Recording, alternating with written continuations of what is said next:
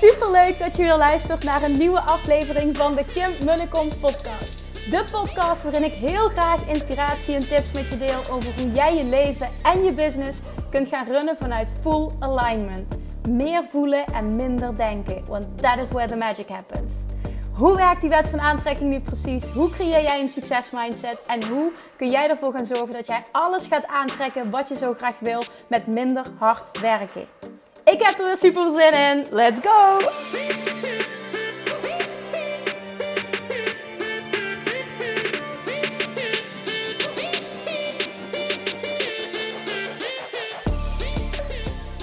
Hey, hey, hey, welkom back. Weer een nieuwe aflevering van de Kim Kom podcast. En vandaag deel 2 van het interview met Valerie van Chiclo's en Personal Branding Agency. Ik hoop dat je waarde hebt gehaald uit deel 1. Deel 2 vandaag uh, krijgt het gesprek meteen een andere wending. Um, ja, ik wil ook gewoon niet in detail treden.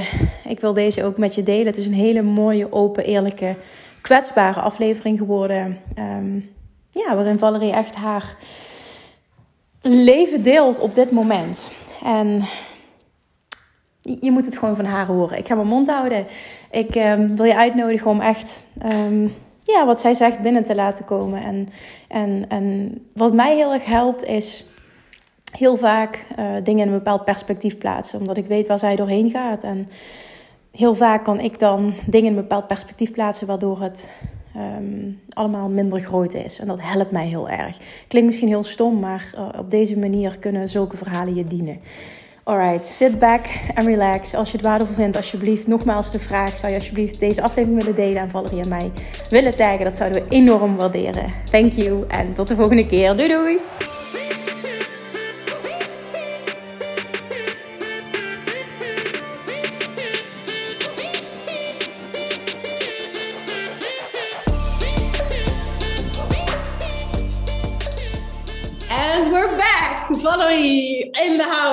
Leuk dat je er bent voor deel 2. Yes, zijn we weer, hè?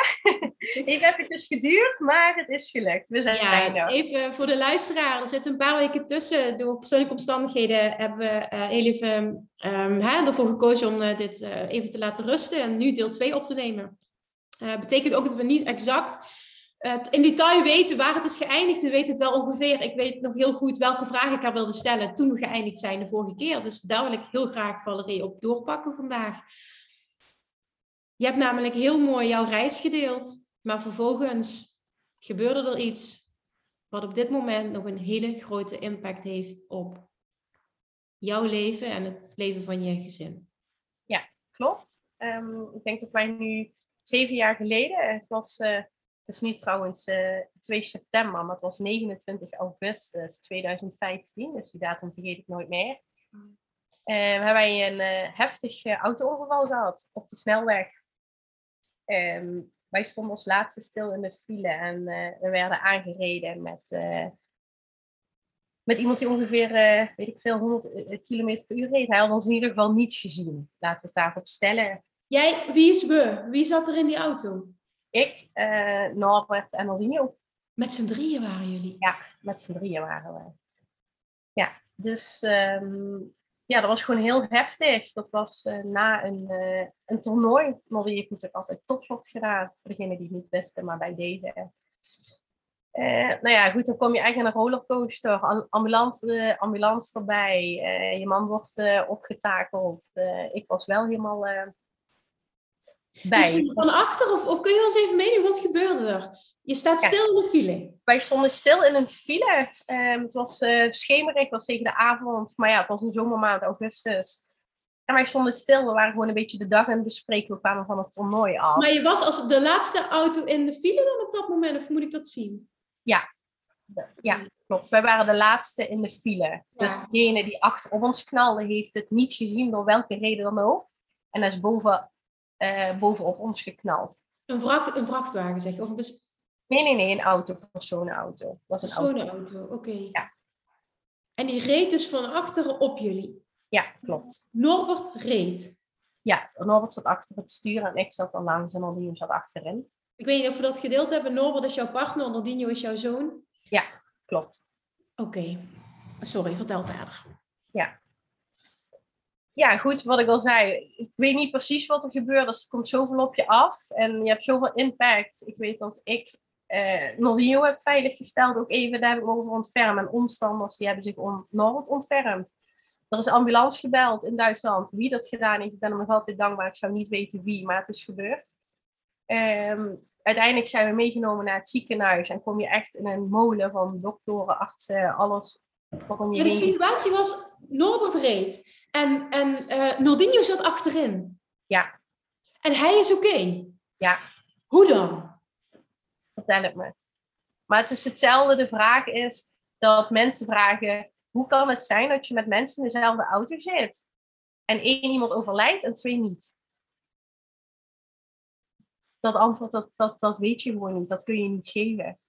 Hoe dan? Ik ben dankbaar. Hè? Los ervan dat ik zou willen dat mijn partner er beter aan toe zou zijn. Maar ik ben dankbaar dat het ons wel gewoon tot op zekere hoogte heel erg goed gaat. Oké, oké, dus jullie gaan naar het ziekenhuis?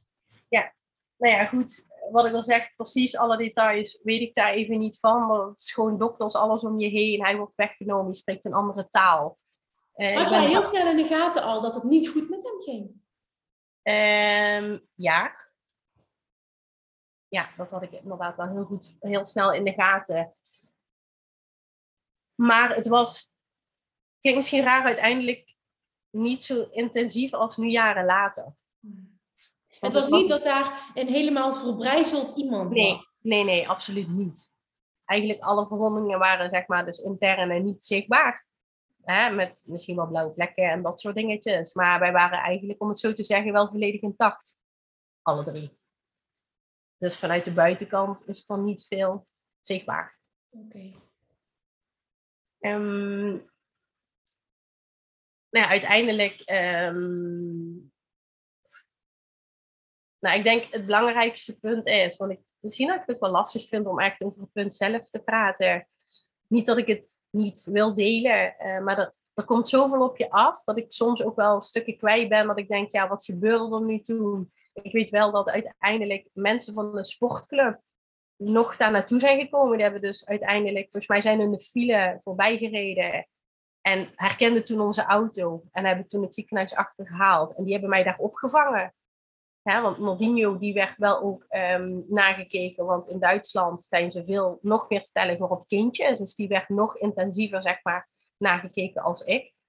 En ja, dan zit je daar alleen eigenlijk te wachten en gebeurt er gewoon heel veel uh, om je heen. Uiteindelijk uh, is de zorg hier in Nederland eigenlijk verder gegaan. En, um, maar was het meteen duidelijk dat, er, dat Norbert niet oké was op dat moment? Dat was meteen duidelijk voor jou, voor de artsen, voor hemzelf? Ja, wel dat hij niet oké was, maar niet zo intensief dat hij zeg maar nu, jaren later, volledig afhankelijk is van andere mensen. Want dat was op dat moment niet zo. Wat was dan wel de situatie op dat moment na dat ongeluk? Um, nou ja, dat hij gewoon uh, ja, niet bij je is. En dat hij natuurlijk overal last van had. Heel veel last van zijn hoofd, heel veel last van zijn nek. Um, maar ja, wat dan intern speelt. Hè? Je hebt het ook over een extreme hersenkneuzingen wat kunnen ontstaan. En die hebben goed tijd nodig. Hè? Het whiplash effect met zoveel impact. En ja, eigenlijk, ja, kijk maar eens als je ergens, ja, kan niet zeggen, kijk maar, want je wil niet dat mensen dat testen. Maar dat je vaak al een bepaalde klap met 30 km per uur, dat dat al hevige impact zou hebben. Alleen hij was een fitte man, altijd gesport. Dus alle artsen gingen ervan uit dat hij er wel bovenop zou komen. En dat het tijd nodig heeft met herstellen en revalideren. Daar krijg je dan ook een team voor. En dat hebben we ook gehad, een heel traject.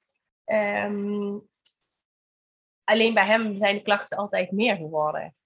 Dus eigenlijk het tegenovergestelde. En mensen zeggen ook wel in een ziek proces. Ik zou beginnen ook, we zijn al een jaar verder. Hoe kan het dat het nog zo slecht met hem gaat? Hoe kan het dat hij zelfs dagen klaagt van meer klachten in plaats van minder? Maar blijkbaar met zo'n hevige impact is het, duurt het herstel gewoon lang. Maar goed, we zijn nu zeven jaar verder en het gaat slechter dan ooit. Dus het kan ook zo zijn dat je het op dat moment niet direct ziet en dat het uiteindelijk veel meer impact gaat hebben op langere termijn. Maar wil jij um, in hoeverre dat je, dat, dat je daar comfortabel bij voelt ook delen wat daadwerkelijk nu de situatie is en hoe fysiek slecht hij er aan toe is? Ehm, ja, ik, uh, ik, ik durf daar. Ja, tuurlijk. Ik bedoel, het is wat het is. Ik zeg altijd story of my life. Het is nou eenmaal dat dit ons leven is en daar schaam ik me niet voor. Het is ons overkomen. Um, maar inmiddels ben ik uh, mantelzorger van Norbert samen met Mourinho. Um, is zijn hele pijnsysteem in zijn hersenen, we noemen het maar kapot, zijn filter is stuk. Um, dus zowel hij is overgevoelig voor licht, voor geluid, hij heeft dagelijks extreme hoofdpijn, uh, misselijkheidsaanvallen, duizeligheid, dat hij dus oud kan gaan daardoor. Um, en er is geen pijl op te trekken, er is totaal geen, hoe zeg dat, een, een aanknopingspunt wanneer iets komt opzetten en wanneer de piek extreem is. Er is dus nooit meer een dag dat hij geen klachten heeft. Er is nooit een dag dat hij geen hoofdpijn heeft. Er is nooit een dag dat hij kan slapen. Er is nooit een dag ja, dat hij bij van zich goed genoeg voelt om, uh, weet ik veel, een fatsoenlijke wandeling te maken. Nou ja, dat, en dat, dat is wel dat, dat, dat, dat, dat de impact. Um, dat, dat, dat je dan het gevoel hebt van oké, dit is dus de impact geweest. Hij kan niet eens naar buiten gaan vaak om een wandeling te maken. Laat staan met jullie gaan uit eten of wat dan ook. Niets kan meer. Nee, het, weet je, het is echt, we zeggen altijd een, een unicum als hij een keer een wandelingetje kan maken. En als je het even ja, weer spiegelt, het was een gezonde, fitte man, altijd militair geweest op hoog niveau gesport. Dus even voor de mensen die hem niet kennen. Uh, hij was op dat moment coach ook van de sportclub. Uh, mijn zoon deed op hoog niveau trainen, zat bij de Nederlandse selectie. En ja, waren daar gewoon heel intensief mee bezig. En als je nu dan de spiegeling krijgt dat die man één keer in zoveel weken een keer een wandelingetje kan maken van 30 minuten. Terwijl dat die kilometers heeft afgelegd. Ja, dat is echt gewoon ja, mega extreem. Dat is echt een hele grote omslag. Um, ik kan me voorstellen als ik dit, ik, ik ken natuurlijk het hele verhaal. Als ik nu luister, hè, dan kan ik me voorstellen dat er allemaal vragen in me opkomen. Oké, en wat, wat hebben jullie dan geprobeerd? En wat zeggen de doktoren? En, en snap je dat? Wat wil, wil je daarover delen? Want ik neem aan dat jullie alles hebben gedaan om ook maar hulp te krijgen, wat dan ook. Ja, we hebben echt alles geprobeerd. Van Duitsland gecontacteerd, eh, Nederland, eh, allerlei verschillende academische en universitaire ziekenhuizen, bijna heel Nederland. Um, België ook. Alleen iedereen geeft hetzelfde weer. Um, het komt heel weinig voor. En we kunnen er niet letterlijk de vinger op leggen. We kunnen niet letterlijk zeggen en vinden wat het nou is. Als alleen het pijnsysteem is helemaal ontregeld, helemaal kapot. Um, ja, een soort van beschadiging wil ik het niet noemen, maar wel in de hersenen, maar wat zo klein is en zo specifiek is, wat soms gewoon niet, wat je niet zichtbaar krijgt. En dat maakt het zo complex, omdat hè, het, het, is geen migraine. Hè? Je hebt migraine, maar dat is een bepaald pijnaspect wat heel duidelijk is. Maar het lijkt er wel weer op. Ja. Er, is, er is in die zeven jaar nooit een arts geweest die heeft kunnen zeggen: dit is het en ik weet hoe ik het moet behandelen. Nee, er is ook geen behandelplan. En ik zeg ook altijd, ja, als je niet weet precies wat het is, wat, wat ben je dan aan het behandelen? Waar, waar komt dat plan vandaan? We hebben van alles geprobeerd, wat ik al zei, vanuit revalidatie, eh, bepaalde spuiten. Hij krijgt nu zeg maar een spuit wat um, pas sinds november 2021 volgens mij wetenschappelijk ja, net uit een fase is. En dat krijgen echt maar weinig mensen door heel Nederland om te kijken of, of dat helpt. Uh, maar het is medicatie, het is geen behandelplan. Um, manuele therapie hebben we gehad, ergotherapie hebben we gehad, fysiotherapie hebben we gehad. Ja, wat ik zeg, een compleet revalidatietraject, een heel traject om misschien toch migraine te behandelen in de hoop dat zijn klachten daarop happen. Ja, maar het is echt een kwestie van ziekenhuis in, ziekenhuis uit geweest. Ja, ja, en ik denk wel dat we nu op een fase zitten dat dat stukje ook een beetje stopt, omdat we zoveel al hebben geprobeerd. En dat je op een gegeven moment zelf ook gewoon moe bent om continu die molen de, te doorlopen. En ook continu maar een reactie van ja, sorry, we kunnen, we kunnen niks voor je betekenen. En, en ja, misschien medicatie ophogen, erbij, eraf, noem maar op. En bij de extreme um, is er gewoon een soort behandelplan klaar. Dan wordt hij opgenomen en dan wordt hij ehm, ehm, aan een infuus gelegd om de pijn te bestrijden. Dus letterlijk om op adem te komen, dat je dus de pijn kan opvangen. En dat is het eigenlijk. Het is eigenlijk een soort van noodsituatie die wij gewoon eigenlijk continu kunnen inzetten op het moment dat je dus aan alles voelt van oké, we kunnen dit niet meer zelf opvangen. En het lastige is ook dat er geen. Ehm, je kan er geen moment aan koppelen wanneer dat het gebeurt. Maar het is ook heel moeilijk om de juiste hulp te krijgen. En dat is ook de reden waarom ik en mijn zoon die hulp bieden. Je kan niet midden in de nacht iemand bellen om te vragen: oké, hij heeft nu hier en hier hulp bij nodig. Of ik heb nu nodig, omdat hij mega zweet en hij moet gewassen worden. Dat, dat is allemaal planbare zorg. En die kun je hem niet bieden, want alles wat bij hem gebeurt is onplanbaar. En vaak mega intensief en ook op een heel snel keerpunt. Dat je bijvoorbeeld een korte wandeling gaat maken omdat je denkt, oké, nu gaat het goed. Om vervolgens binnen een uur op je hoogste piek te zitten, dat je je afvraagt, waar komt dit vandaan? Ik voelde me eigenlijk heel goed. En dat je gewoon moet zorgen dat iemand veilig thuis komt. Dat hij niet omvalt omdat hij zo duidelijk is. En dat hij verkeerd valt en God weet wat er dan gebeurt. Dus dan moet ik wel continu iemand bij zijn, omdat je toch ja, je loopt tegen een soort van valgevaar aan. Um, ja, je wil niet natuurlijk iemand dan alleen aan zijn lot overlaten als iemand ook fout valt of je niet kan contacteren. Dus dat maakt het gewoon wel super lastig. Dat je. Betekent dat dat er altijd iemand bij hem is? Ja, er is eigenlijk, ja, ja. Er is altijd iemand bij hem, of het zijn echt korte momentjes. Um, hè, ik bedoel, ik moet zelf ook wel eens even een rondje met de hond wandelen, maar dan ben ik echt in de buurt. Maar overdag, als jij op je werk bent? Ja, ook. Alles is afgestemd met mij en Aldino. Hij is nooit alleen. Um, ik sta natuurlijk ook een stuk minder op de winkelvloer als voorheen. Um, omdat er gewoon altijd iemand bij hem moet zijn. Ja, Wat zijn de vooruitzichten? niks, dit. Dit is wat het is. Ik, ehm, ja, nee, ja, eigenlijk niks. Dit is wat het is. Hopen dat de medicatie in één keer wel gaat werken, ook al uh, doet hij het nou al uh, een paar jaar niet. Geloof je nog dat er iets is wat jullie nog niet gezien hebben, of wat nog niet op je pad is gekomen? Mm, laat ik het zo zeggen dat ik vooral niet wil opgeven. Hè?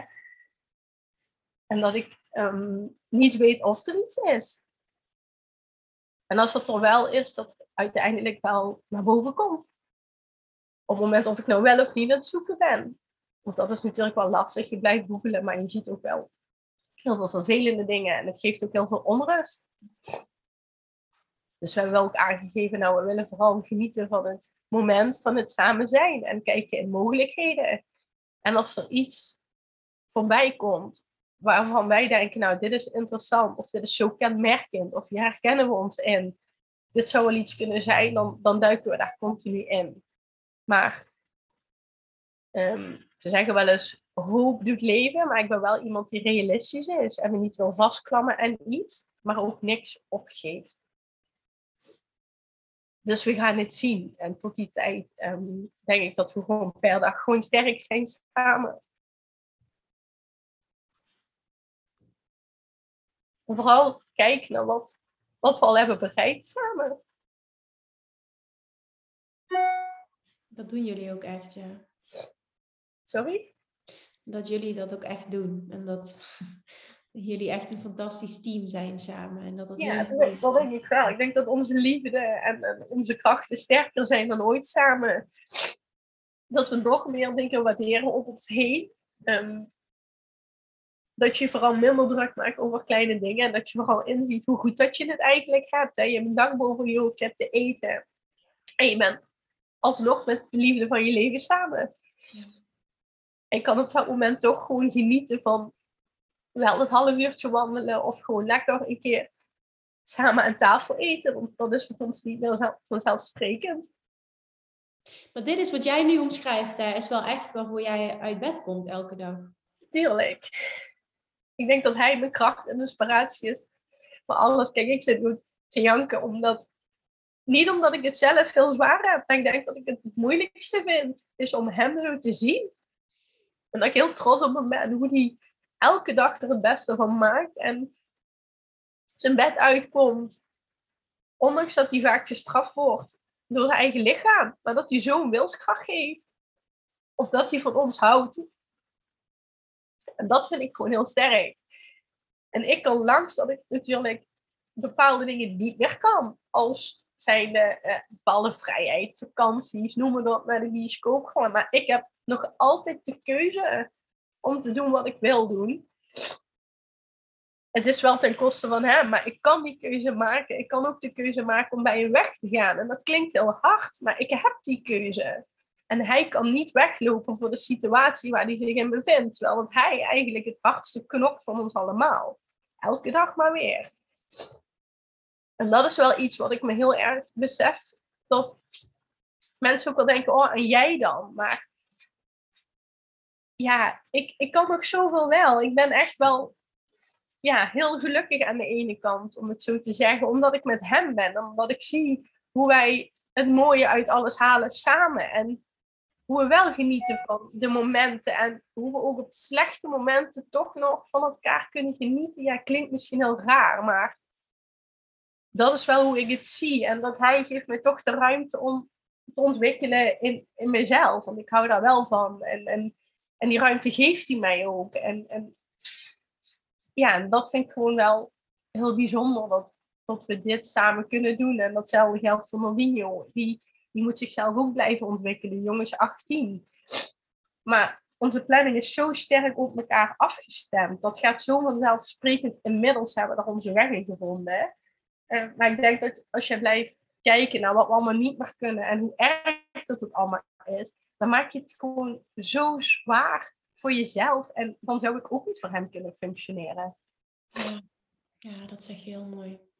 Ja, en ik. het is eigenlijk heel bizar, maar ik, ik ken Norbert verder niet. Ja, het is enkel wat jij over hem vertelt, maar ik kan me voorstellen dat je hem ook als een enorme inspiratiebron ziet. Want het is zeer zeldzaam, denk ik, dat als iemand met zulke heftige klachten kampt, dat hij nog zo in het leven kan staan. En dat jij een persoon bent die het zo kan zien en daar het positieve uit kan halen en hem als inspiratiebron kan zien. Ja, hij kan ook daar heel anders in staan, waardoor dat ook weer een effect zou hebben op jou en Nordinho. Ja, en ik denk dat het vooral vice versa is. Want um, wij hebben toen ook een, opname, een ziekenhuisopname gehad voor hem. En en de arts zei direct, jij moet mee, jij bent zijn kracht. En hè, we hebben natuurlijk ook wel met psychologen gesproken. Hè, want je gaat natuurlijk wel alles bekijken. Het is niet dat hij depressief is of zo, maar natuurlijk heb je dit mentaal zwaar. Want er komt wel even heel iets op je af. Weet je, dat is niet even zomaar iets. Dus natuurlijk worden wij, krijgen we begeleiding. Ik krijg begeleiding als ik daar behoefte aan heb. Ik heb mijn vertrouwenspersonen.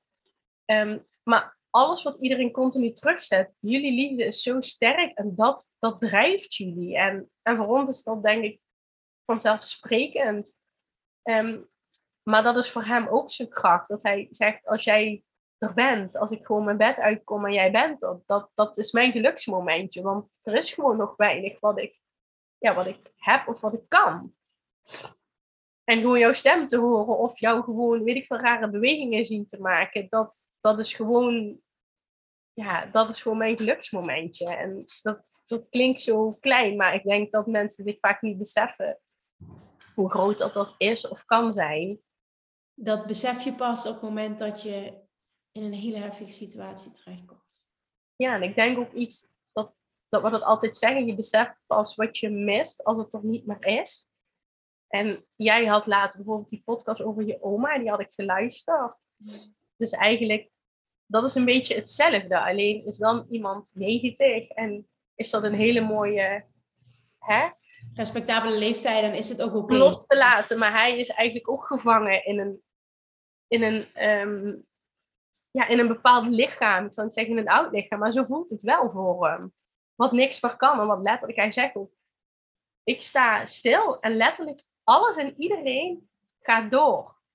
Gaat voorbij en ik sta echt letterlijk stil. Ik kan me niet ontwikkelen kan niet met, een bedrijf, jou als bedrijf mee ontwikkelen. Ik kan niet meesparren, want bepaalde, ik kan niet in een fatsoenlijk gesprek aangaan, want een discussie is al te veel. Hè. Noem situaties als onze zoon heeft zijn diploma gehaald. Die kan niet bij zijn diploma-uitreiking zijn. Eh, er zijn zoveel dingen wat je moet missen. Ik bedoel, die jongen is 16 geworden, dat kon niet bij zijn. Hij is 18 geworden. Er zijn zoveel mijlpalen. En dat maakt wel gewoon heel veel impact. En we proberen natuurlijk op ons allerbest er het mooiste van te maken. Om, hè, ik film alles voor hem. Zodat je dat. En ik denk dat we er dankbaar voor zijn dat, dat dat mogelijk is. Dat we nu hier leven. Dat, dat je dus gewoon dat kan doen en dat je dat kan delen. En dat je live uh, kan facetimen en het kan delen. Maar ik denk dat ik ook nooit, en dat heb ik hem ook eerlijk gezegd, ik, kan hem ook nooit begrijpen. En er was één moment, en dat was eigenlijk um, twee of drie jaar geleden. Dat is mij zo bijgebleven. Dat um, hij het echt heel zwaar had. En hij zei van ja, ik, ik, ik weet soms niet hoe ik dit vol moet houden. Um, en, en, en hoe ik hiermee om moet gaan. En toen zei ik als reactie, um, maar schat, doe het voor mij. En toen gaf hij als reactie, oké, Val, je hebt, hè, je hebt zelf regelmatig last van, uh, van migraine. Bedenk dat je dat hebt, dag in, dag uit, 24-7, jaar in, jaar uit. En stel nou nog eens die vraag. En dat was zo'n besef van een moment voor mij dat ik dacht, dat, dat is bijna niet te doen. Dat is zo'n dat is zo'n heftig gevecht wat je dagelijks moet aangaan. Dat ik meteen dacht, oké, nee, we doen het hoe jij het wil. En je doet het voor jezelf. En ik mag ervan meegenieten. Dat het gewoon samen het beste ervan maken is. Want het is zo egoïstisch om dan te zeggen, doe het voor mij. En ik denk dat ik vanaf die dag ook bepaalde situaties van andere mensen beter begrijp. Omdat je altijd kijkt vanuit een bepaald perspectief, vanuit eigen egoïsme. Want ja, nu kunnen wij niet samen uit eten. Nee, klopt, wij niet samen, maar ik kan wel nog uit eten. Hè, als Mario thuis is en ik regel dat iemand bij hem is, dan kan ik toch genieten van een lekker hapje en met een leuk gezelschap. Maar hij kan dat niet. Ja, en wat, wat zo inspirerend is, in deze situatie is dat jullie, ondanks eigenlijk het feit dat jij nu net letterlijk zegt, er is op dit moment niet echt een uitzicht. Want wat brengt de toekomst, dat weet je niet. Dat je nog steeds op dit moment op die manier in het leven kan staan. En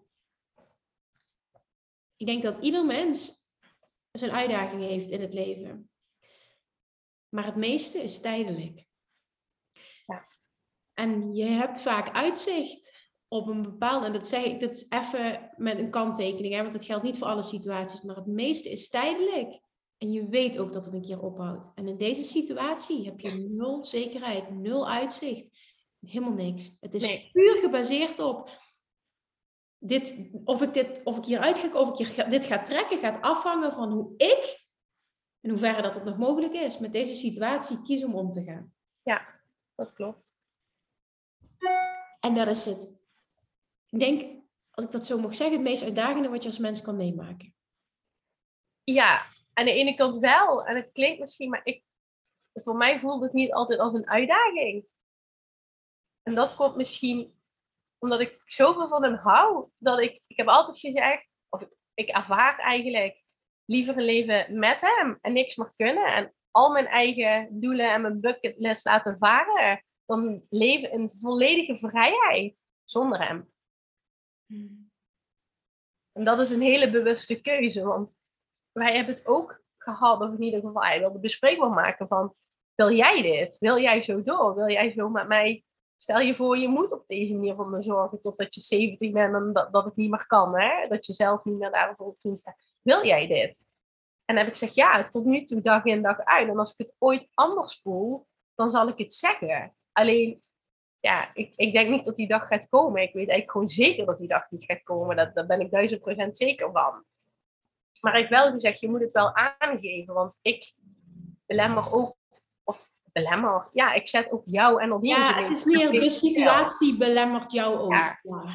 Ja, maar hij is natuurlijk het grootste onderdeel van de situatie. En dat is wel gewoon een feit. Alleen ik zie het niet als een belemmering. Ik zie het gewoon inderdaad als een, als ik, ja, zo hoe ik het nu doe, kan ik gewoon alles aan. Er is niks wat ik niet kan. Ik ben tienermoeder geweest. Ik heb een, een bedrijf opgezet. In de crisisperiode zei iedereen ook dat ik gek was. En nu leef ik al heel lang als mantelzorger met de liefde van mijn leven. En nog kan ik elke dag lachen. En tuurlijk, zoals nu net, dan word je emotioneel. En dan word je gewoon echt met de neus op de feiten gedrukt. En dan zijn het momentjes dat ik gewoon even heel hard huil. Ik ben mens, weet je wel. Ik ben gewoon vlees en bloed. Maar ik kan het ook loslaten, omdat ik gewoon trots ben op hoe we dit fixen. Alleen, ja, ik, ik heb ook gewoon emotie en gevoel. En ik denk juist dat het goed is om het los te laten. In het begin was ik heel erg, dan vroeg hij van hoe gaat het met je? Dan zei ik altijd, nee, het gaat goed met me. En dan probeer ik dat op te kroppen om het op een ander moment ergens los te laten. En toen zei hij, nee, dat is niet eerlijk wat je doet. Dus we hebben ook gewoon de belofte gemaakt dat we naar elkaar uitspreken hoe we ons voelen. En ook als je gewoon heel shit voelt of als je gewoon boos bent op de situatie, dan zeggen we dat gewoon eerlijk. En als je gewoon zegt, oké, hou me gewoon even vast, ik moet gewoon hard huilen, want het is gewoon even allemaal kut, dan is dat zo. En dat is vaak een momentje. En daarna kunnen we ook gewoon door. En ik denk dat dat ons gewoon heel veel brengt. Dat we gewoon zo goed met elkaar communiceren. En dat ook van elkaar respecteren. Dat dat ook gewoon een hele goede basis vormt.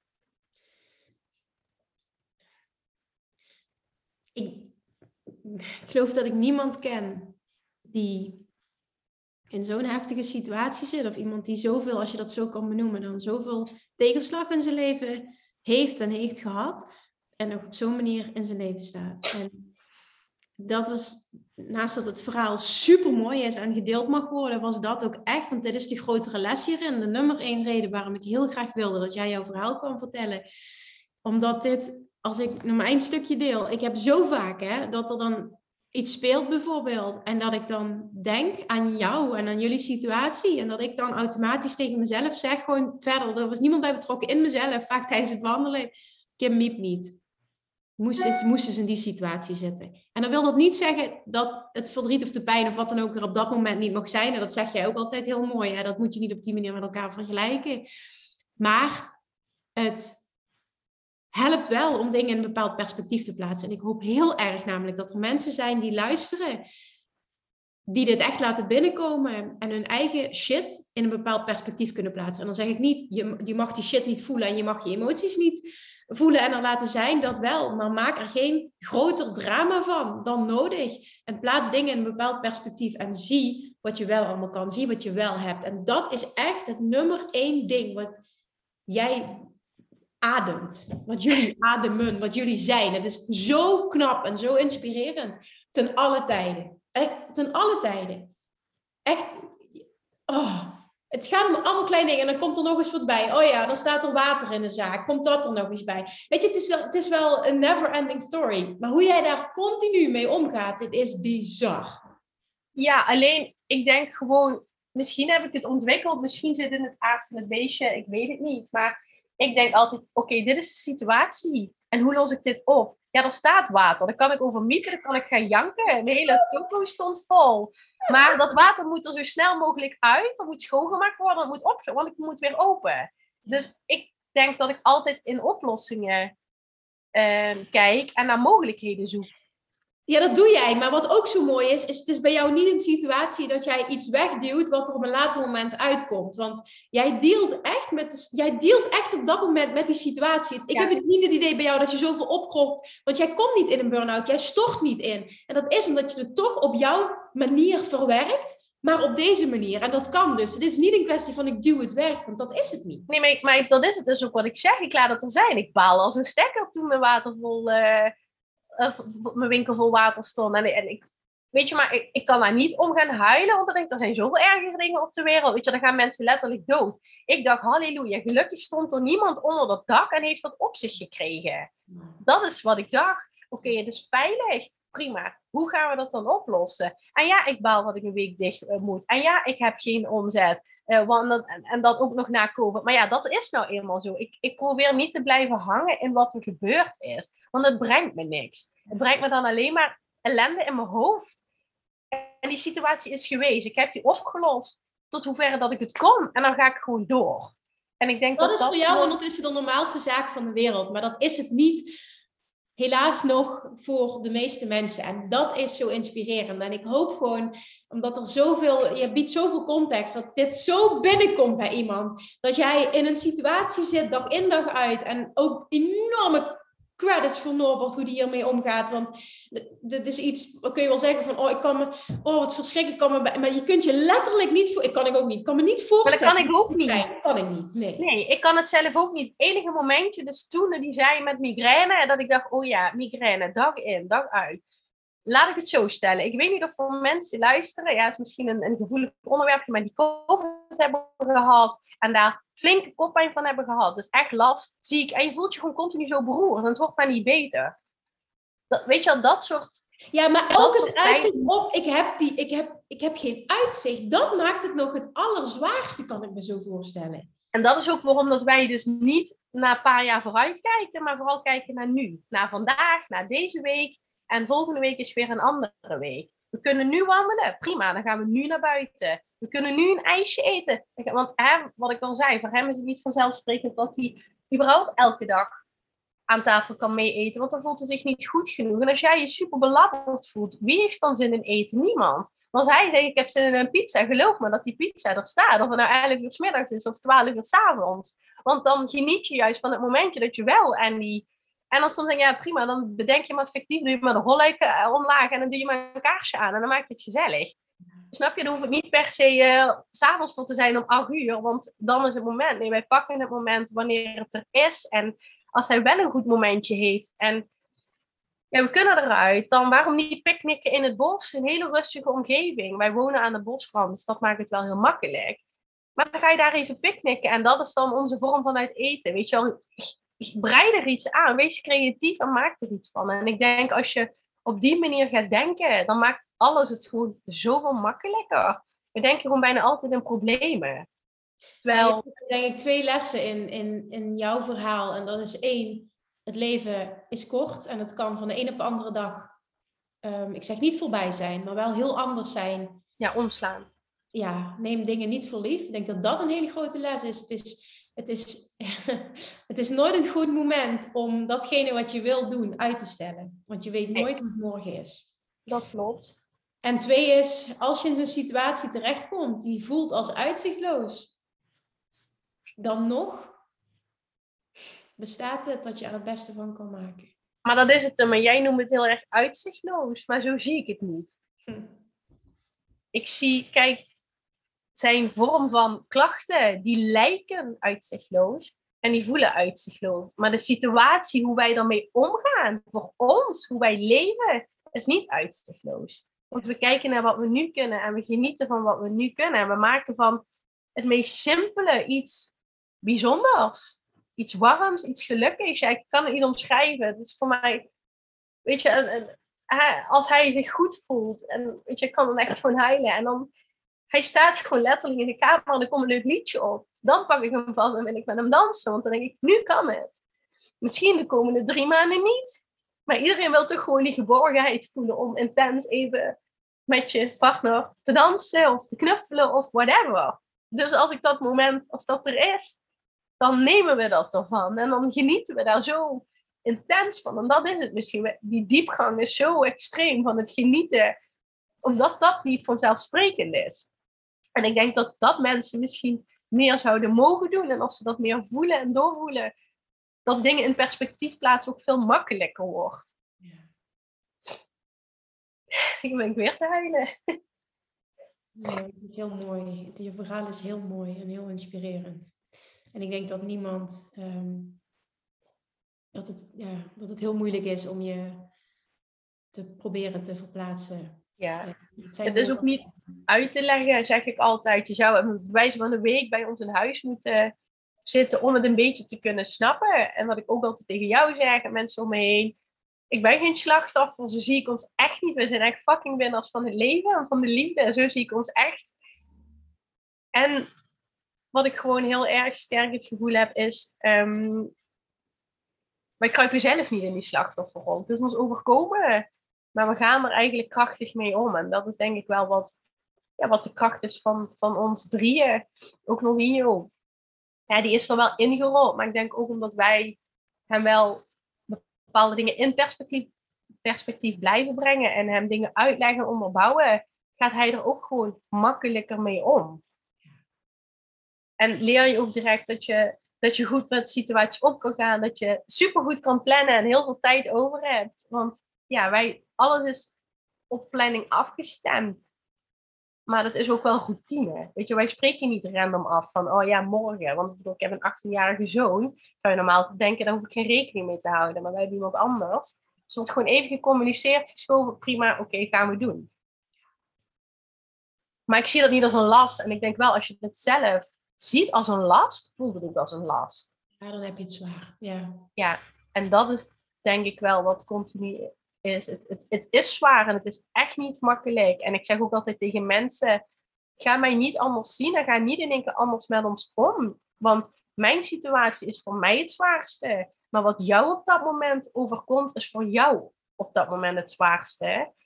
En daar heb jij op dat moment mee te dealen. En als je denkt dat ik je daarmee kan helpen, alsjeblieft, ik ben een mens, laat me je daarmee helpen. Ja, dat is ook nog eens typisch, inderdaad, zeg dan, dat is typisch Valerie. Dan, ja, maar ja, dan kan ik toch helpen als je dat dan vertelt. En dan denk ik, uh, nee, je hebt al genoeg shit aan je hoofd. Natuurlijk vertel ik dat niet. Natuurlijk vraag ik niet om hulp. Doe normaal. Je bent al de laatste wie ik om hulp zou. Maar niet omdat je die niet kan bieden, maar meer doe normaal. Ik, ik, ja, maar ik denk dat dat de slechtste beredenatie is van alles. En ik heb nu ehm, ook iemand om me heen die dus ziek is. Um, hè, in, in, ieder geval kanker. En wat zij ook deelde met mij, zegt, ik vind het juist fijn dat je met me omgaat. Je behandelt me gewoon als mens en niet als dat zieke slachtoffer. En dat is hoe ik zelf ook gezien wil worden. Ik ben gewoon Valerie, ik ben ondernemer, ik ben moeder. Weet je, als ik dit vanuit, even vanuit mij, dan is het niet dat ik dat... Ik, ik zie dat dan niet als slachtoffer of zo, maar meer van als het niet nodig is en het kan ook op een andere manier opgelost worden, hoezo zou ik dan ja, even om een termen te, te spreken wat iedereen begrijpt, waarom zou ik jou daar dan mee lastigvallen? En niet vanuit slachtoffer, je kan er niet aan. Ik weet dat je alles aan kan, maar als het niet hoeft, hoeft het toch niet? Snap je? Zo sta voor mezelf. Ik denk altijd, je moet de persoon kiezen waar je jezelf het prettigste mee voelt. En ik ben iemand dat als het niet uitkomt, dan, als ik, dan zeg ik ook, weet je, als iemand me belt, als het niet dringend is, bel ik je later terug. Kan nu even niet. En ook daar vraag ik begrip voor. En als mensen dat niet begrijpen, prima. Dan, dan pas je gewoon niet in mijn leven. Ook goed heb ik ook geen problemen mee. Ik bedoel, uiteindelijk heb ik gewoon hem nodig, mijn partner en, uh, en Nordinho, zeg maar, en mijn zoon. En pas het er niet in, ben ik ook heel makkelijk om daar afscheid van te nemen. Maar er zijn ook heel veel situaties, wat ik zeg, hij heeft heel veel bedligginguren. Ik ben dan wel thuis, maar ik kan uh, voice memo sturen, ik kan appen. Weet je, ik kan dan ook gewoon mijn eigen ding doen. En laat mij alsjeblieft bepalen of het moment uitkomt, ja of nee. Ja. Ja, dat, heb je, dat is heel sterk wat je zegt. Ik en het geeft mij ook gewoon afleidingen. Dat is voor mij ook, dat zijn voor mij eigenlijk de enige dingen die ik kan doen. Hè. Ik, ik vind het best wel jammer dat ik niet altijd fysiek in de winkel sta. Want ik vind het heel leuk om mensen te helpen. En dus als ik ja, DM's krijg over stylingadvies, maar ook over ondernemer. En ik kan daar tips over geven. Dat, dat is voor mij, dat is mijn uitlaatklep. En dan denk ik, neem, ja, neem die niet van mij af. Geef mij die ook gewoon. Ja, dus als je nu luistert, alsjeblieft naar Valerie een berichtje sturen, want het is haar uitlaatklep en ze wil het. Nee, maar, want het is, het is wel zo van, even los van de situatie, hè. Je bent ook wel echt ontzettend goed in wat je doet. En dat mag ook gezegd worden. En dan is het, het is des te knapper, want het is al, ik vind het al heel erg inspirerend hoe jij bent als mens en als ondernemer. En dan komt daar ook nog eens bij. Wow, ik heb er nog een fulltime job bij daarnaast. En dat is iets wat altijd speelt. En dat maakt je juist zo'n fantastisch mens. Hè? Het, is, het, het, een voedt het ander. Maar gewoon dit, het is, en je bent supergoed in wat je doet, en je bent een fantastische ondernemer, en je bent een fantastisch mens, en dit speelt ook nog eens op de achtergrond. En dan zeg je nog steeds, ja, als ik kan helpen, dan help ik je vanuit liefde. Ja. ja. Dat is misschien mijn, uh, mijn, hoe zeg je dat? Mijn human design. Dat is misschien uh, wat, wat, wat, zo moet zijn als reflector. Of dat je dat gewoon moet doen. Dat dat gewoon reactie is. Ik weet niet. Ik denk gewoon dat dat gewoon de basis is van, van wie ik ben. En, maar ik ben ook gewoon iemand die zegt, ja, sorry, nu kan het niet. En ook, weet je, een, een DM bijvoorbeeld, of een WhatsAppje. Ik kan bepalen wanneer ik reageer. En hè, misschien kan ik nu niet het juiste antwoord geven, maar denk, hé, hey, dat vind ik wel heel interessant. Maar ik kom er op een later moment op terug, wanneer het kan binnen mijn situatie. En vind ik het dan toch tof dat ik ik heb natuurlijk ervaring als jonge mama. Ik heb nu al een tienerzoon van 18 en heel veel mensen om me heen krijgen nu kinderen. En die vragen, hoe deed je dat? En hetzelfde, ik heb een webshop Oh, ik weet nog dat ik briljant advies van jou heb gekregen, inderdaad, op, uh, op, op mama-gebied. Ja. ja, snap je? Ik denk dat ik daarin wel al verder ben. En wat jij toen in het begin ook zei, ik heb natuurlijk al een team gehad met 14 mensen personeel toen ik manager was. En ik heb nu personeel ben uit aangegaan. En ook nu, ik bedoel, ik ben nu 38 jaar en dit gebeurde toen ik 31 was. Ook hier haal je zoveel levenslessen uit, ook met zorg, maar ook hoe de zorg geregeld is, hoe, hoe met bepaalde situaties om wordt gegaan, waar bepaalde situaties waar mensen helemaal geen antwoord op hebben of, of psychologische. Ik zeg altijd, ehm, ik luister naar je en ik hoor wat je zegt. En ik heb heel veel ervaren dat mensen naar me luisteren, maar niet horen wat we te zeggen hebben. En daardoor kun je gewoon niet geholpen worden. Het is gewoon zo fijn dat iemand luistert, maar ook echt hoort wat jij zegt. En dat zijn wel lessen die je mee hebt genomen. En ook verslavingen, weet je wel, mensen hebben vaak een vooroordeel als iemand bijvoorbeeld verslaafd raakt. Maar je weet vaak helemaal niet wat erachter speelt. Hoe is iemand daarin terechtgekomen? Ik bedoel, wij zijn gewoon een gezond gezin en we waren actief aan het sporten. We reizen heel Europa af. En in één keer staan we stil. Weet je wel, hoe dat dan? Hoe kan dat? Dat heeft, dat heeft ergens mee te maken. En dan kan je ook voor bepaalde dingen, denk ik, meer begrip tonen. Omdat je gewoon meer levenslessen hebt gehad, denk ik, op een kortere periode. En ja, goed, dat heeft gewoon zo moeten zijn voor mij. Ja, dat is nou eenmaal zo. Je weet wat eruit komt. Nou, wat jij net zei is heel mooi. Dat je, ehm, ik, ik luister naar je, maar ik hoor ook echt wat je zegt. Ik denk dat dat wel een zeldzame skill is om te hebben. En maakt je een hele goede coach trouwens. Maar dan, dan, dan ben je er ook echt.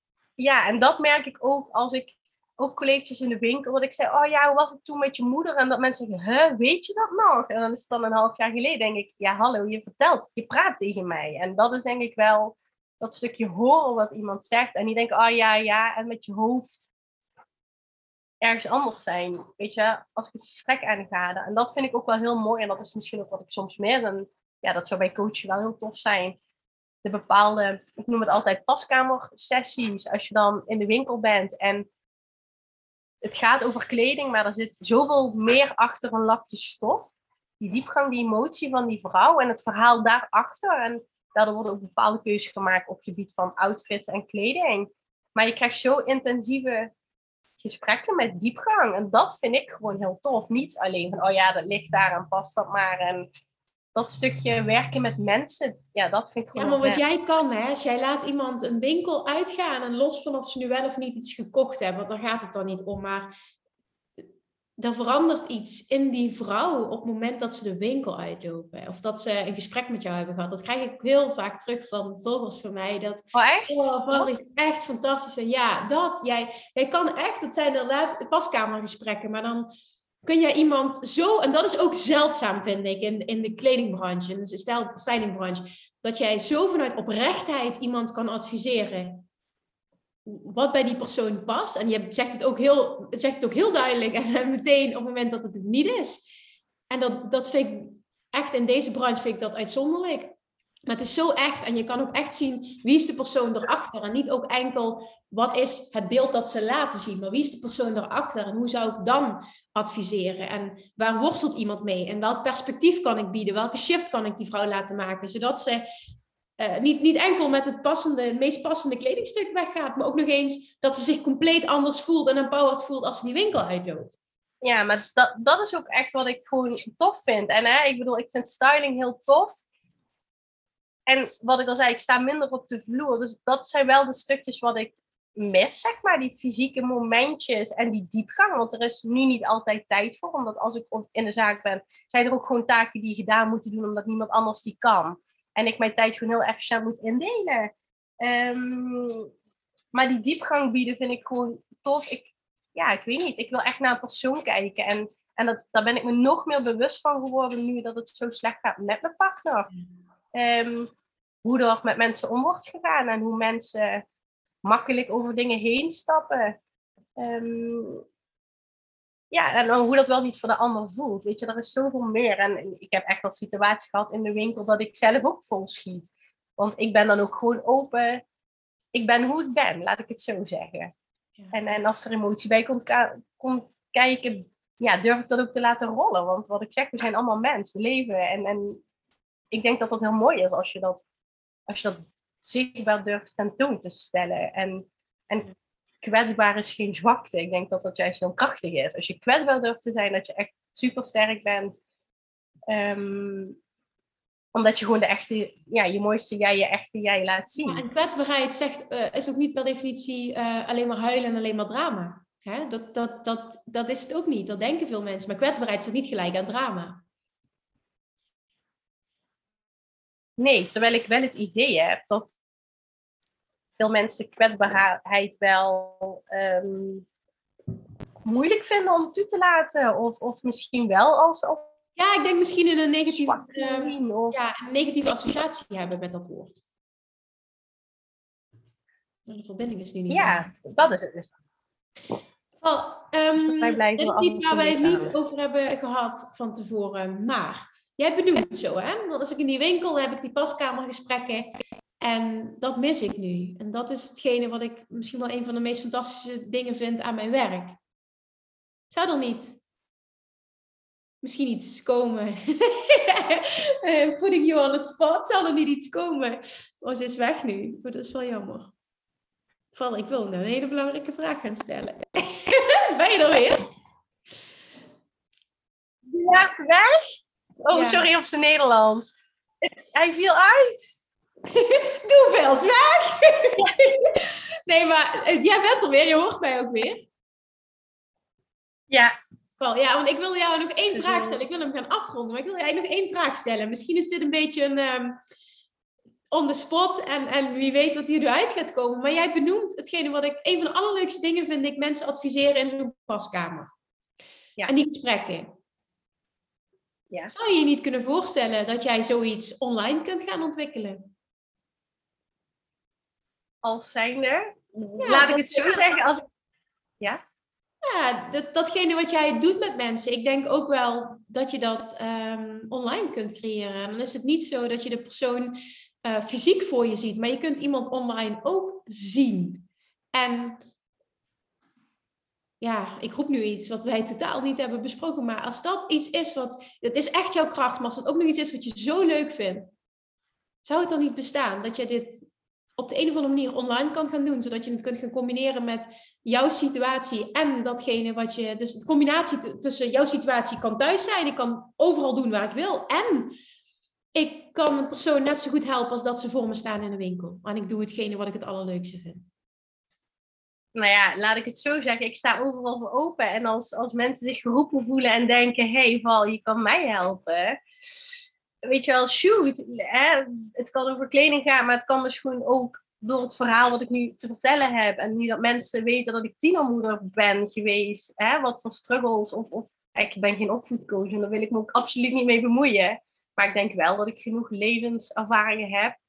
Um, die vaak niet duidelijk zijn voor mensen als ze niet bij mij de winkel zijn ingestapt. En er ook geen um, connecties niet te juist. Kijk, een gesprek komt niet altijd tot stand. Je moet je van twee kanten openstellen. En er zijn sommige mensen die dat via via weten.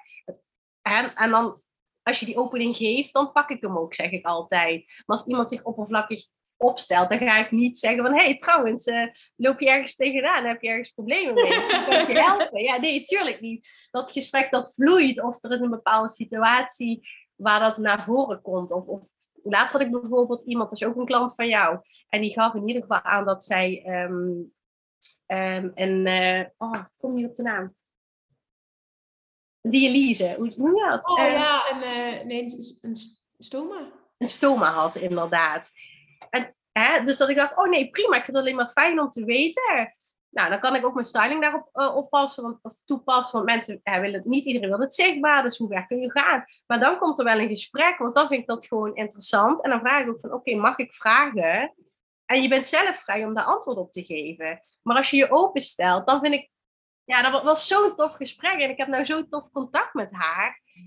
Dat verandert eigenlijk die hele verkoopsessie, want Zij komt voor kleding en laten we eerlijk zijn, ik ben een verkoper. Hè? Ik sta er om een product te verkopen, net als jij je online training verkoopt. Dat is gewoon zo. Maar ik wil je niks aansmeren en ik wil ook niet mijn stijl op jou projecteren. Nee, ik wil gewoon ervoor zorgen dat jij je goed voelt. En als, dat, als jij denkt dat je door mij gecoacht kan worden door een tof gesprek en ik kan jou inzichten geven, ja, be my guest. ja, nou, misschien is dat een leuk oproepje om te doen namelijk. Lijkt me echt tof. Want misschien is er iemand die zich helemaal toch door jou op de een of andere manier iets, iets in het verhaal triggert. Of dat nu het laatste stukje is of, of het beginstuk, het maakt niet uit. Maar jij geeft heel duidelijk aan wat jouw kracht is en, en wat je het allerleukste vindt en wat je situatie is. Ik geloof er dan altijd in dat er iets bestaat wat je nu nog niet aangeraakt hebt of zelf hebt, wat, wat tot je is gekomen, wat je bedacht hebt, wat het moet zijn, wat, wat, wat, wat je van het is. En ik weet zeker dat er iemand gaat zijn die luistert, die denkt, ik wil door haar geholpen worden. Wat nou als we bij deze oproepje doen dat ze jou een bericht mogen sturen en dat ze ook mogen aangeven wat datgene is? En misschien heeft er wel iemand die luistert, een ander ondernemer, een fantastisch idee hoe jij een bepaald iets zou kunnen positioneren. Dus bij deze gewoon een oproepje als je een idee daarbij hebt wat we nu benoemd hebben, of je wil geholpen worden, of heb je een tof idee van, van hoe ze dat zou kunnen neerzetten, Shoot. Moet een DM sturen, shoot, ja. ja. Het mag altijd, het kan op Shootloads of op Personal Branding Agency. En dan laagstreepje tussen Personal Branding en Agency. Daar ben ik het zelf meest actief. En ik ben ook heel eerlijk, ik bedoel, ik heb een team, ik sta niet altijd op de vloer. Dus op Shootloads komen er ook veel um, ehm, eh, DM's binnen bij mijn team. En die kunnen dat niet beantwoorden. Dus om het overzicht denk ik goed te houden... Um, is misschien het andere sterk. Personal Branding Agency, ja. ja. Oké, ja. En dan heb je dus personal branding en dan underscore agency. Ja, klopt. Ja, oké. Ja, duidelijk. Ja, dat lijkt me even... Ik, ik hoor je dit zo zeggen, ik denk, oh, ik, ik kan nu niet meteen zelf dat ik denk van, oké, eh, dit zou je moeten gaan doen, maar er komt een antwoord. Want ik geloof er echt in dat, dat jij hebt zo'n kwaliteit. Je hebt zo, en dat, dat uit je nu al in de winkel. En dat uit zich ook op heel veel andere vlakken. Maar wat nou als er een briljant idee ontstaat na deze podcast? Of het komt uit jou, of als wij even sparren, of een luisteraar komt ermee. Dat zou ineens life-changing kunnen zijn. You never know. Klopt, klopt. En, en wat, hè, ik bedoel, je jij kent mij wel al beter. Ik ga geen uitdaging in de weg. Je misschien komt, of uit de weg. Ehm, en ik vind het juist heel interessant en heel vet om uitgedaagd te worden. Dus als er iets is, kom maar door. Lijkt me super tof. En dan gaan, we, dan gaan we daarna, als er iets uitkomt, weer een podcast opnemen wat er gebeurde. Na deze... Ja, oké. Dat is een heel tof idee. Want het kan dat zijn, maar ook als er iemand is die zich zo aangetrokken voelt tot jouw verhaal en voelt van ik kan eraan geholpen worden. Ik zou haar bijvoorbeeld als coach willen of wat dan ook. Stuur een bericht en kijk eens wat jullie voor elkaar kunnen betekenen, want you never know. Ja, ik sta en dit zeg ik even vanuit, ik ken jou, je hebt zoveel meer kwaliteiten dan wat er nu nog uitkomt. En op het moment dat je, je ideale klanten feedback kunnen geven, is het goud waard. Ja, wellicht wel. En, en dat is ook wat ik wel vaker zeg, weet je. Ik heb natuurlijk ja, winkel opgezet, een, een webshop opgezet, mijn personal branding. Een team geleid. Een team geleid, ook dat inderdaad. En er moet natuurlijk wel iets zijn wat ik voel, wat echt bij me past. Zo eerlijk ben ik ook wel.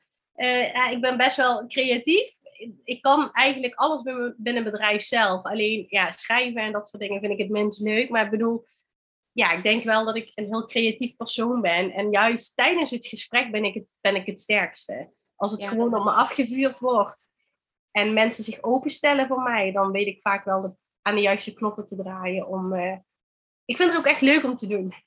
Ja, jij bent ook heel sterk in het, in het uh, mensen helpen bij hoe zet ik nou op een sterke manier, authentiek, mijn personal brand neer. Dat doe je ook echt heel goed. En dan inderdaad niet vanuit bepaalde regels, maar vanuit kijken naar wie, wie zit er voor me, wie, wie is dit en wie ben je echt en hoe zou je het willen. En, ja, en daarvoor noem ik het ook echt wel, en het klinkt soms zo, zo bloempjes, maar je mooiste jij. En ik vind gewoon je mooiste jij is echt, wie zit er echt, en net wat ik zeg, ik luister naar je, maar ik hoor wat je zegt. Want dat gaat zoveel dieper dan.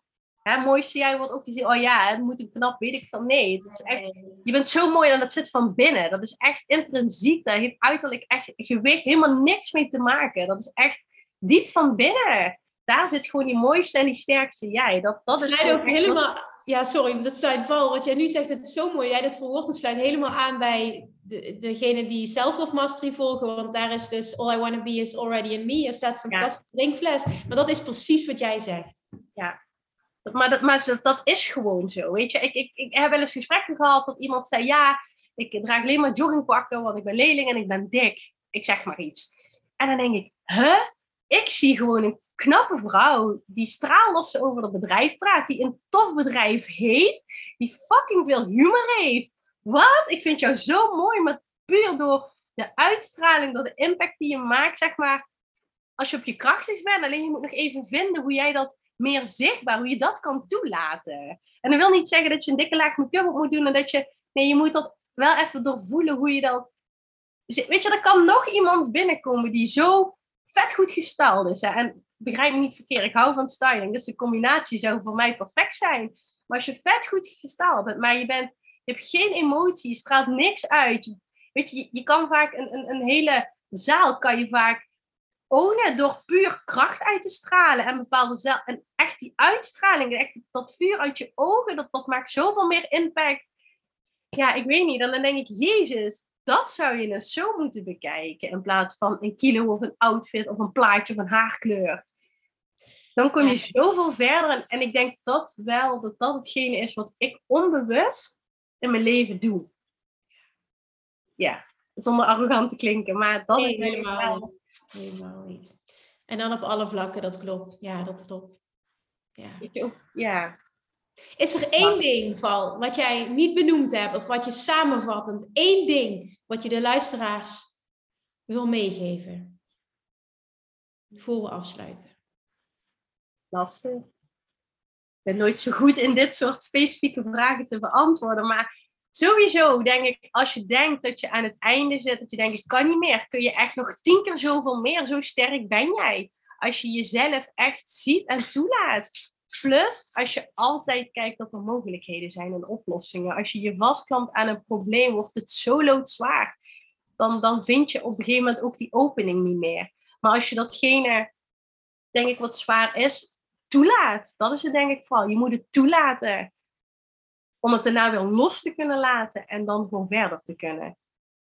En het wil niet zeggen dat als je iets loslaat, dat het er niet meer is, of dat je er geen verdriet van mag hebben, of dat het niet kwetsend kan zijn. Maar ik denk wel dat als je iets gewoon toelaat en accepteert, dat het gewoon zoveel makkelijker wordt om bepaalde dingen wel te bereiken en, en bepaalde openingen wel nog te kunnen zien. En als iets zwaar voelt, deel het met iemand. Deel het gewoon met iemand. Denk nooit dat je iets alleen moet doen. Want er is altijd iemand die wel naar je luistert en die je wel echt hoort. En ik denk dat je die persoon gewoon, dat je even goed moet zoeken. En, als je denkt dat die beste vriendin niet hoort wat je zegt, moet je afvragen of ze wel die beste vriendin is. Klinkt misschien hard, maar ik denk wel dat dat zo is. Dankjewel voor je prachtige, inspirerende verhaal en om wie je bent vooral. Oh, dankjewel dat jij op mijn pad bent gekomen en dat we nu staan waar we samen staan. Want dat is ook wel heel bijzonder verlopen. Dat, ja, dat, dat we het nu een vriendschap kunnen noemen waar het ooit een oud, als oud collega begon. ja, ja, dat heeft zo moeten zijn. Ik hoop echt, uh, Valerie, we gaan het nu echt afronden. Nee, ik hoop niet. Ik weet dat jij heel veel mensen hebt geïnspireerd met jouw verhaal. Daar ben ik je echt heel erg dankbaar voor. Want als er één iemand is die zo, zo, zo goed is in dingen in perspectief kunnen plaatsen en dat echt oprecht vanuit zo'n positieve levensinstelling met dingen dealt en, en ah, ik vind dat zo knap en zo inspirerend en ik hoop gewoon nu dat heel veel mensen dit horen en altijd als ze ergens tegenaan lopen ook kunnen denken hoe zou Valerie hiermee omgaan? En dan heb je meteen je antwoord. Oké, dan maken we een one-liner van. Hoezo ah, Valerie omgaan? Hoezo Valerie hiermee omgaan? Oké, dankjewel. Luisteraars, dankjewel. Alsjeblieft, als je dit inspirerend vond, neem even de moeite om deze aflevering te delen en Valerie en mij te taggen. Alsjeblieft, weet zeker dat we dat beide heel erg waarderen. Ik spreek niet even voor jou, vooral, maar laat het ons weten. En uh, ja, neem vooral even de moeite om Valerie een uh, persoonlijk bericht te sturen. Personal branding underscore agency op Instagram. Yes. Dankjewel. Jij ook bedankt. Doei! Lievertjes, dankjewel weer voor het luisteren. Nou, mocht je deze aflevering interessant hebben gevonden, dan alsjeblieft maak even een screenshot en tag me op Instagram. Of in je stories, of gewoon in je feed. Daarmee inspireer je anderen en ik vind het zo ontzettend leuk om te zien wie er luistert. En nog één dingetje. Voor alle gratis content die ik aanbied, zou je alsjeblieft één dingetje terug willen doen. En dat is, ga naar iTunes, zoek de podcast op, scroll even naar beneden en laat een korte review achter. Hoeveel meer reviews namelijk, hoeveel beter de podcast gevonden wordt in iTunes. En hoeveel meer mensen ik kan bereiken met mijn boodschap. Super, super dankjewel alvast. En tot de volgende keer.